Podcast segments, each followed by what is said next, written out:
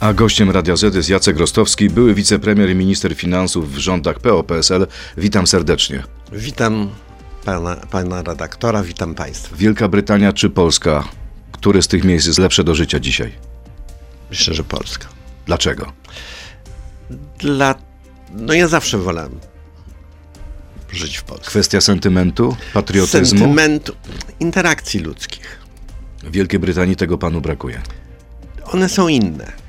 A jest pan tak A tutaj są tak. Nie, ja jestem więcej, dużo więcej w Polsce, ale i e, też w innych krajach mam wykłady, ale mm, interakcje z ludźmi są dużo takie, dużo bardziej bezpośrednie.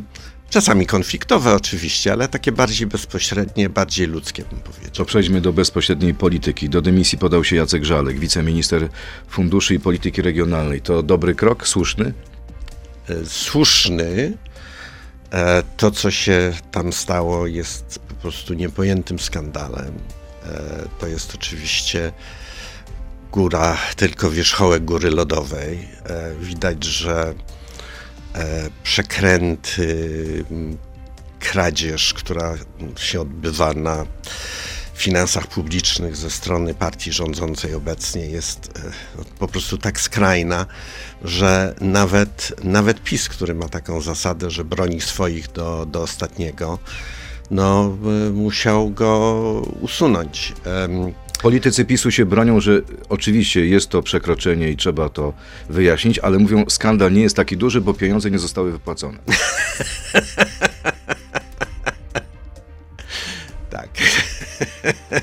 nie udało się, nie udało się. No nie udało się.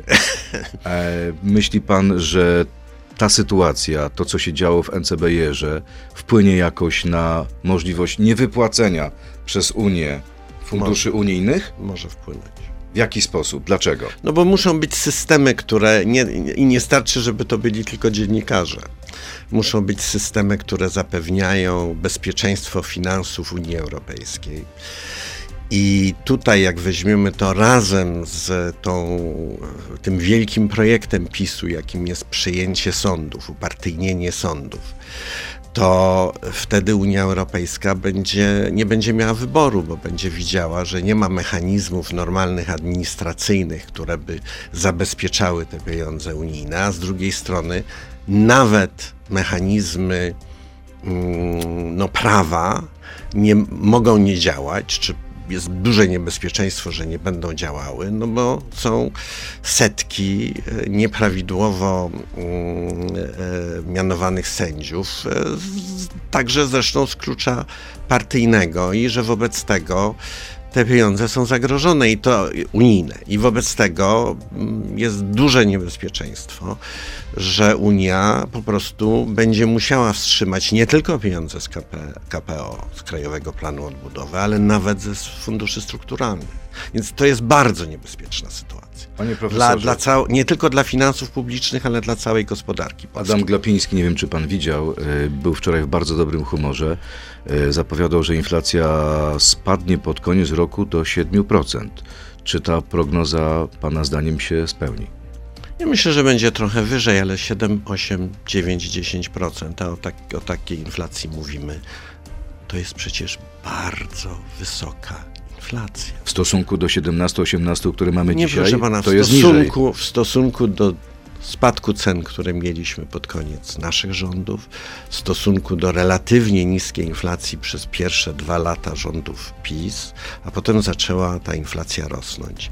A teraz trzeba pamiętać, że te 8-10% to będzie jeszcze dodatkowo, dodatkowy wzrost cen w porównaniu z tymi 18-19%, które będziemy widzieli w marcu. A może ta inflacja nie jest taka strasznie zła, bo dzisiejsza Rzeczpospolita pisze, że w wyniku inflacji spadło zadłużenie najmniej zarabiających, najbiedniejszych Polaków. Myślę, że jest dokładnie odwrotnie, proszę pana, że to jest bardzo źle, bo te zadłużenie spadło, bo musieli korzystać ze swoich z ty, tego zadłużenia, które, znaczy z, z, z, tego zadłużenia, które mieli, tak? Znaczy nie, nie mogli już, nie mogą dostać tych pieniędzy od banków czy od innych, um, od innych e, instytucji, które normalnie by im pożyczały, bo są w o tyle trudniejszej sytuacji. Czyli gdyby mieli lepsze warunki, to by pożyczyli? To by mogli sobie normalnie pożyczyć, a tutaj musieli zmniejszyć ten, e, ten dług. A ta decyzja, kolejna decyzja o niepodnoszeniu stóp procentowych Rady Polityki Pieniężnej jest dobra czy zła? Ja myślę, że w obecnej sytuacji jest, jest dobra. Premier Morawiecki niedawno powiedział, że mamy stabilny budżet w niestabilnych czasach. Deficyt za rok 2022 wyniósł tylko 12,4 miliarda złotych, a więc dużo mniej niż przewidywano. Złoży pan rządowi gratulacje? Znowu śmiech. Nie wiem, no śmiech nie, no, akceptacji, śmiech, no bo oni czy tak, śmiech złośliwości? Nie, no śmiech po prostu, bo to jest bo to jest śmieszne. To znaczy, wiemy, że y, sam budżet jest po prostu taki, jak y, Morawiecki chce go, mm, chce go przedstawić. Prawdziwe wyniki finansów państwa to jest to jest deficyt, tak zwany deficyt finansów publicznych i on jest w granicach 90 miliardów i to ostateczne liczby będziemy mieli wtedy, dopiero wtedy, kiedy rząd e, czy Ministerstwo Finansów prześle dane do Komisji Europejskiej. Do Komisji Europejskiej przekazują prawdziwe dane, bo muszą.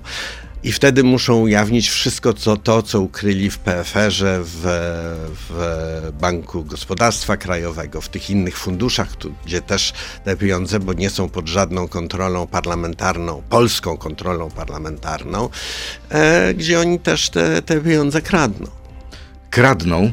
No, tak jak widzimy no, w przypadku Villa Plus i tak dalej, tak? I tam pieniądze idą róż, do różnych funduszy, które są po prostu niekontrolowane. Czyli jest kiepsko generalnie. Jak pan oceni Polskę, polski, sytuację polskiego budżetu, polskiej gospodarki? Powiem tak. Pan mi się zapytał o tych, ile to było? 12 miliardów. 12,5 miliarda 12. prawie deficytu. Ja panu powiedziałem, że prawdziwy deficyt finansów publicznych jest 90. A jaka jest ocena generalna tego, ocena, co się dzieje w ocena Polsce? Ocena generalna jest, jest taka. Jeżeli chodzi o finanse publiczne, to one wyglądają dobrze, ale wyglądają tylko dobrze. A dobrze wyglądają z powodu inflacji. Inflacja powoduje, że relacja że ta sławna relacja długu publicznego do PKB maleje, bo PKB dzięki dochód narodowy, dzięki inflacji, a nie prawdziwemu wzrostowi, pęcznieje i wtedy ten dług maleje w porównaniu z inflacją, znaczy w porównaniu z dochodem narodowym. I to jest coś, co jest takim efektem pozytywnym tymczasowym, póki inflacja jest na tak wysokim poziomie. Jak ona zacznie maleć, to nagle zobaczymy, że ten dług zacznie odskakiwać i rosnąć. Więc to jest jeden problem, który mamy i tak samo będzie z deficytem, że ten deficyt zacznie rosnąć. Więc jesteśmy w takim momencie, gdzie rząd ma wszystkie korzyści wysokiej inflacji, tak zwany podatek inflacyjny, czyli faktycznie to, że wyższe podatki płacimy też z powodu inflacji i, um, i kurczenie się takie um, pozorne kurczenie się długu, długu, e, długu publicznego, długu finansów państwa. To z czasem niestety zniknie. Ale Panie to, premierze. Ale chwileczkę, tylko jedno słowo. Ostatnie zdanie. A po stronie realnych, realnej gospodarki mamy jeden z najniższych wzrostów gospodarczych w Europie i bardzo wysoki spadek płac realnych, panie, płac panie pracujących ludzi. Pora na... Po od, uwzględnieniu inflacji. Pora na I krótką to są piłkę. Te drama, I to są te dramatyczne, te dramatyczne Pora na krótką problemy. piłkę. Poproszę o krótką odpowiedź, tak albo nie. Platforma wygra, jak obieca ludziom socjal, tak czy nie? Nie rozumiem pytania. Obietnice socjalne powinny być wyższe platformy, tak czy nie? Powinny, dosto, powinny Tak odpowiadać na prawdziwe problemy. Panie Pod- redaktorze, zna pan definicję populizmu? To Po- są proste odpowiedzi na trudne pytania. Kolejne pytanie. Podwyższenie wieku emerytalnego to konieczność, tak czy nie? Nie. Bogaci powinni być pozbawieni 500+, tak czy nie? Tak. Na miejscu Ukrainy nie ufałbym PiSowi, tak czy nie? Dzisiaj już tak, Polska wtedy powinna... nie. Na początku tej wojny nie. Polska powinna przyjąć euro, tak czy nie? Kiedyś. Kiedyś, czyli za ile lat? No, za 10 lat. Jacek Rostowski, były wicepremier e, w rządzie PO-PSL, jest gościem Radia Z. Przechodzimy do internetu na Radio Z.pl, Facebooka i YouTube'a. Zapraszam. To jest gość Radia Z. No właśnie, to euro. Za 10 lat, bo jeszcze paręnaście miesięcy temu mówił pan w wywiadzie dla wprost, że być może w ciągu 5 lat. To jak to jest? Chyba musiałem szybko odpowiedzieć, więc powiedziałem, co myślę, że jest realistyczne. Między w tej- 5 a 10? Między 5 a 10, tak. Opłaciłoby raczej- nam się to? Bardzo. Ale dzisiaj to nie jest zadanie dla rządu kolejnej kadencji. To na pewno nie jest zadaniem dla rządu kolejnej kadencji. E, to by było zupełnie nie do osiągnięcia w tej e, kolejnej kadencji. Em, I e, jak pan dobrze wie, tak naprawdę, no nie muszę tego powtórzyć, jesteśmy w sytuacji, w której ogólnie się przyjmuje, że żeby przyjąć euro, musielibyśmy zmienić konstytucję, więc musiałaby być większość konstytucji. A teraz nie ma, więc to jest sprawa na przyszłość. Powiedział pan, że bogaci powinni być pozbawieni 500. Wprowadziłby pan kryterium ekonomiczne do 500? Tak. Na jakiej zasadzie? Na jak, do jakiej wysokości? To by trzeba dokładnie przebadać, e, ale ogólna zasada taka, że milionerzy też dostają 500, no pan przyzna, że jest trochę absurdalna. Czyli gdyby to od pana zależało, zmieniłby pan y, tę ustawę. Ale w zasadzie tylko w tym zakresie. A waloryzacja 700, y, 500 plus do 700 plus, tak czy nie? Ona kiedyś musi, będzie musiała nastąpić. Zrobi to na przykład rząd y, opozycji, jeśli przejmie władzę? Powinien zrobić? Że jest cała seria rzeczy, które trzeba robić, żeby ludziom życie, mm, no, żeby było trochę mniej trudne. I także, żeby rozwinąć, y, mm, czy żeby wesprzeć y, demografię, która w Polsce, która jest no, wielkim, wielkim, wielkim takim strategicznym wyzwaniem. I teraz pytanie jest tylko, czy to jest najlepsza droga, bo kiedyś to musi nastąpić. No to jest jasne przy inflacji, którą mamy, że to nie może być tak, że jest e, świadczenie, które po prostu już dzisiaj jest warte w okolicach 300 zł tamtejszych 16 roku i, i będzie dalej, dalej maleć. No i pytanie jest tylko, czy najlepsza droga e, i pom- pomożenia ludziom, i pomocy dla ludzi, i wsparcia demografii, no bo to był też, tak twierdził PiS, e, powód e, ku, ku temu, żeby to 500, pl- żeby ten program wprowadzić. Więc pytanie jest, czy, czy, to jest naj, czy to jest najlepsza metoda, czy właśnie raczej wsparcie mieszkalnictwa, dla, szczególnie dla młodych ludzi. Ja obecnie raczej skłaniam się ku temu, że to właśnie, e, jeżeli myślimy także o interesie oso- osób, które e, no, są dzi- dzisiaj albo jutro będą starsze, no to ich emerytury też będą zależały od tego, ile ludzi zostanie w Polsce i będzie pracowało. I, na, i tutaj em, wydaje, ja uważam, że ten, że ten program e, mieszkaniowy e, dla mnie obecnie jest większym priorytetem. No a propos, panie premierze, pytania od naszych słuchaczy i pierwsze dotyczące tego programu. Krystian Fijałkowski, skąd wygrzebiecie pieniądze na e, kredyty 0%, dodatki do najmu oraz różnego pro, e, rodzaju programy socjalne, których Platforma chce pozostawić, skoro pieniędzy nie było, nie ma i nie będzie? Em, więc tak, po pierwsze, y, tutaj są jakby dwa elementy. Po pierwsze, to nie jest aż taki drogi program, bo, bo on będzie kosztował mniej więcej 4 miliardy złotych w pierwszym roku, potem 8 i tak dalej. Jeżeli to porównujemy z programem 500, to nawet po 10 latach to są porównywalne kwoty. Stać nas? Tak, w perspektywie 10 lat e, i relatywnie zdrowego rozwoju gospodarczego Polski to nas stać. Poza tym, nawet w krótkim horyzoncie czasowym, jak przywrócimy praworządność, co jest pierwszą rzeczą, którą musimy zrobić, uzyskamy dostęp do pieniędzy z KPO, do pieniędzy strukturalnych, to złoty się na tyle wzmocni, zaufanie inwestorów do gospodarki polskiej tak się poprawi, że rentowności, to co musimy płacić, to oprocentowanie z tego długu, o którym już mówiliśmy, z tego długu publicznego, będzie spadało. I tutaj będą takie oszczędności, to są bardzo duże kwoty, że jestem spokojny. Panie premierze, bardzo dużo pytań, więc proszę o krótsze Bardzo odpowiedzi. Pan Adam, a propos, czy pan Rostowski wie, że kredyt 0% doprowadzi do hiperinflacji, czy będzie temu zaprzeczał? Na pewno nie będzie doprowadzić do hiperinflacji. Szypol, czy jest pan za legalizacją lub dekryminalizacją marihuany rekreacyjnej? Szczerze mówiąc, e, ja już jestem w tym wieku, kiedy marihuana mnie nie interesuje. A wcześniej tak? No wie pan, ja miałem kilkanaście lat w latach 60. I co, zaciągał się pan? Oczywiście, Jak smakowało? nie lubiałem. A papierosy? I to jest najgorsze, że na skutek tego zacząłem palić e, tytoń, Kolejne który jest pytanie. dużo mniej zdrowy. Nie premier. Był pan bohaterem, cytat, afery taśmowej wraz z panem Sikorskim. Dealowaliście wzajemne poparcie na bardzo intratne stołki. Twierdził, że za tym stoi agentura rosyjska. Teraz PiS mówi, że za aferą mailową stoi Putin. Jak pan ocenia swoje dealowanie? W którą aferę wierzyć? To jest taki jakiś bełkot, przepraszam. Skomplikowane pytanie. Znaczy, powiedzmy bardziej uprzejmie, skomplikowane pytanie. E, Pan Jankowski, w 2015 mówił pan, że jeśli 500 zos- plus zostanie wprowadzone, to Polaków czekają silne wstrząsy gospodarcze, a po 8 latach rządów PiS pańscy koledzy z PO twierdzą, że ten program należy utrzymać. To jak to jest?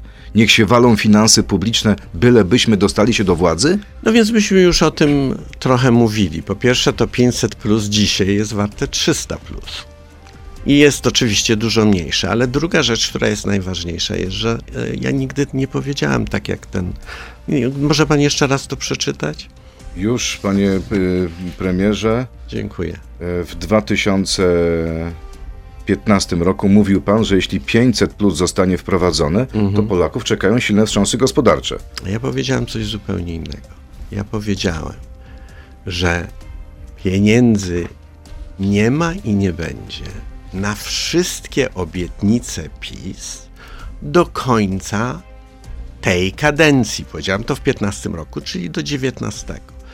I miałem, i nie powiedziałem to w ogóle nie, nie powiedziałem, że to dotyczy 500 plus. To dotyczyło 500 plus, pomocy dla frankowiczów. Między innymi 500 Między plus. innymi. No dobrze, A ale te przy- inne, przepraszam, i 500 plus nie tylko na drugie i dalsze dzie- dziecko, co PiS wtedy wprowadziło, tylko PiS wtedy obiecał, obiecywał, że będzie dla wszystkich dzieci, także na pierwsze dziecko i to wprowadzili w ostatnim miesiącu tamtej kadencji. Ale przyzna Więc jak pan, weźmiemy, nie, ale ja PiS tylko, panie redaktorze, przepraszam. większość swoich Panie re- obietnic socjalnych. ale nie w pierwszej kadencji. Nie w pierwszej kadencji. Jeżeli weźmiemy wszystkie te obietnice, to one były ponad dwukrotnie większe niż to, co, wpro- niż, niż to, co wprowadzili w tej pierwszej Czyli nie kadencji. wycofuje się pan z tej wypowiedzi. Nie, ona była prawdziwa, a to, że ona jest tysiąc kilkaset razy została zniekształcona i, em, i pokazana w, no, nawet nie wiem jak to nazwać, no, gadzinówce, tak, e, rządowej, jaką jest e, ta telewizja partyjna, no to tylko źle o nich świadczy. A skąd pana zdaniem bierze się taki ostatni sondaż dla wirtualnej Polski, gdzie blisko połowa, czy nawet w sumie połowa Polaków nie wierzy w to, że jak przejmiecie władzę, utrzymacie te, ten program socjalny PiSu? Ja myślę, że to jest właśnie skutek takich kłamstw, które są powtarzane dzień w dzień. E, A to tutaj jest nie, ma żadnej, nie ma żadnej winy po waszej stronie? Wie pan, y, ja myślę, że znaczy, można by popatrzeć się na to inaczej, że Polacy obawiają się, że może nie być pieniędzy i uważają, że my jesteśmy bardziej odpowiedzialni, jeśli chodzi o gospodarkę. Przecież nikt by nie myślał, że e, partia robi e, obywatelom i sobie krzywdę, e, wycofując programy socjalne niepotrzebnie, tak? Ale szczerze mówiąc, najważniejszy powód jest, że mamy coś, co jest ekwiwalentem komunist, dawnego komunistycznego radiowęzła, e, zorganizowanego na, na cały, cały kraj. I w tym, i w tym, i w tej par, upartyjnionej, partyjnej telewizji, tak? I radiu i tak dalej, po prostu powtarza się te same kłamstwa w kółko 24 godziny na dobę, 7 dni w tygodniu. No i oczywiście to, do, to trochę do ludzi prze, przenika. Piotr Wasilewski, dlaczego Polacy w 2012 roku mieli najniższe, wynag- wy- najniższe wynagrodzenie w Europie? Był pan wtedy od pięciu lat ministrem finansów. No to jest nieprawda, nie mieli najniższego. Mieli jedno z niższych, ale na końcu kadencji już przegoniliśmy Węgry, więc to jest nieprawda. A dzisiaj e, i Węgry i chyba, i chyba Portugalię e, pod koniec e, naszych rządów. I jesteśmy mniej więcej w tym samym miejscu, jeśli chodzi o relatywną pozycję e, dochodów na głowę. Panie premierze Tymek, czy w Wielkiej Brytanii mieszkanie prawem, nie towarem to hasło obeszłoby się bez kontrowersji, a może coś tam takiego występuje? Nie występuje i nie obeszłoby się bez kontrowersji. Czyli pan nie zgadza się z tym hasłem? Nie, a tego, znaczy to hasło jest, em, że to jest trochę tak jak, to, są, to jest właśnie populizm. To znaczy chodzi o to, żeby ułatwić ludziom zdobycie mieszkania. Ale to populistą jest Donald Tusk, bo on mówi mieszkanie Nie. prawem, nie towarem. Ale mów, mówi to w formie takiej, takiego hasła. No A właśnie. potem ważne, nie, ale potem ważne jest, co robimy, tak? Jeżeli widzimy, no dobrze, więc są dobre sposoby na to, żeby to, żeby to urzeczywistnić i są złe. No właśnie, bo profesor Balcerowicz mówi, że to jest hasło głupie i szkodliwe.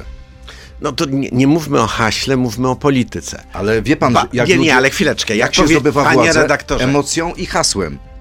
Dobrze, ale ja jestem od polityki gospodarczej, a nie od haseł. Więc wracając do polityki gospodarczej, już powiedziałem, że i głęboko w to wierzę, że program Zero Credit jest świetnym programem. Nie tylko dlatego, że jest dobrym programem socjalnym, ale także dlatego, że jest odpowiedzią na jednym z największych wyzwań które, strategicznych, które stoją przed Polską, jakim jest problem demograficzny. Lewica mówi, że Myśmy- świetnym programem dla banków i deweloperów i że e, robiliśmy to przez 20-30 lat i widzimy, co się dzieje. Ludzi nie stać na mieszkanie, młodych. No i dlatego będzie, te, będzie ten program Zero Kredyt. A Ale Lewica jeśli się na to nie zgodzi, jak będziecie razem rządzić. Myślę, że Lewica na to się zgodzi. Tak? Macie takie sposoby? W jaki sposób Myślę, że przekonacie? No, będzie, no, to nie jest tak, że każda partia w rządzie będzie miała weto w każdej sprawie. Czyli nie wyobraża pan sobie, żeby rząd opozycji, jeśli taki będzie, nie wprowadził tego 0% kredytu?